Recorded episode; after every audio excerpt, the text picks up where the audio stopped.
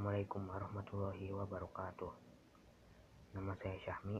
Di podcast ini saya ingin bercerita tentang info kini kondisi virus corona di negara kita ini. Pengerti pertama dari pengertian umum COVID-19.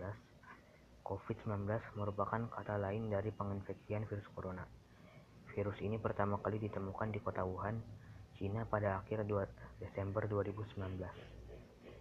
Virus ini menular dengan sangat cepat dan telah menyebar ke hampir semua negara termasuk Indonesia.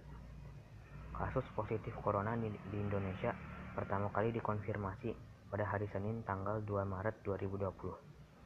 Saat itu, Presiden Jokowi mengumumkan ada dua orang Indonesia positif terjangkit virus corona, yakni perempuan berusia 31 tahun dan ibu berusia 64 tahun. Kasus tersebut diduga berawal dari pertemuan perempuan 31 tahun tersebut dengan WN Jepang di Indonesia saat berada di sebuah klub dansa di, Jakarta pada 14 Februari waktunya. Penularan yang terjadi di Indonesia membuat negara Indonesia menerapkan kebijakan pembatasan sosial berskala besar atau disingkat menjadi PSBB. Tujuannya untuk menekan penyebaran virus coronanya. Dan untuk info kini, satu hal saja mengenai varian baru virus corona, yaitu virus corona B117. Virus corona, virus corona B117 telah ditemukan di Indonesia. Varian virus ini pernah ditemukan di Inggris sebelumnya.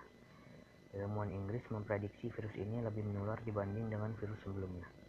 Hanya dalam waktu dua bulan sudah dilaporkan ada seperempat kasus di London. Lalu satu bulan kemudian naik menjadi tiga perempat. Dan selanjutnya saya menjelaskan gejala yang terjadi bila terjangkit virus corona varian baru ini. Gejala yang terjadi satu, batuk terus-menerus. Gejala ini akan sulit dibedakan karena tahap awal saat kita terjangkit virus salah satunya adalah batuk secara terus-menerus. Langkah baiknya kita, ketika kita merasa batuk yang tak kunjung sembuh, kita segera periksa ke dokter. Yang kedua, cepat lelah. Pasien yang terjangkit virus corona B117 ini merasa cepat lelah karena adanya stok, stoking dari dalam sistem kekebalan tubuh. Hal tersebut adalah respon dari tubuh karena terinfeksi oleh virus tersebut.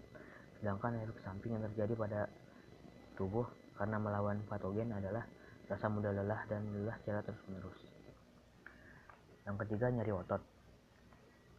Virus ini juga bisa menyerang serat otot dan lapisan jaringan penting lainnya.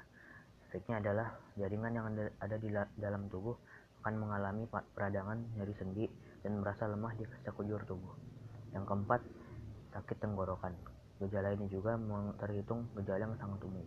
Jadi akan sulit dibedakan mana yang radang tenggorokan biasa dan mana yang dampak dari virus corona.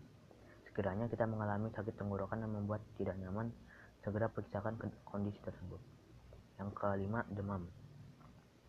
Imunitas di tubuh kita akan merespon virus virus yang masuk ke dalam tubuh dengan demam.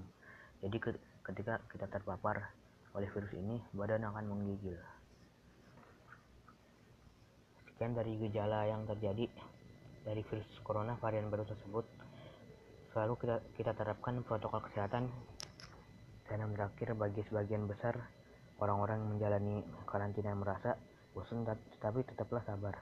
Penganggapan COVID-19 sebagai orang solih yaitu merasa COVID-19 ini adalah ujian dari Tuhan Allah Subhanahu wa taala. Lalu kita berharap dan berdoa agar virus corona ini cepat hilang dan tetap menjaga protokol kesehatan yang diterapkan oleh pemerintah. Panjatkan hati nurani kita agar selalu memedulikan orang lain. Sekian dari saya. Wassalamualaikum warahmatullahi wabarakatuh.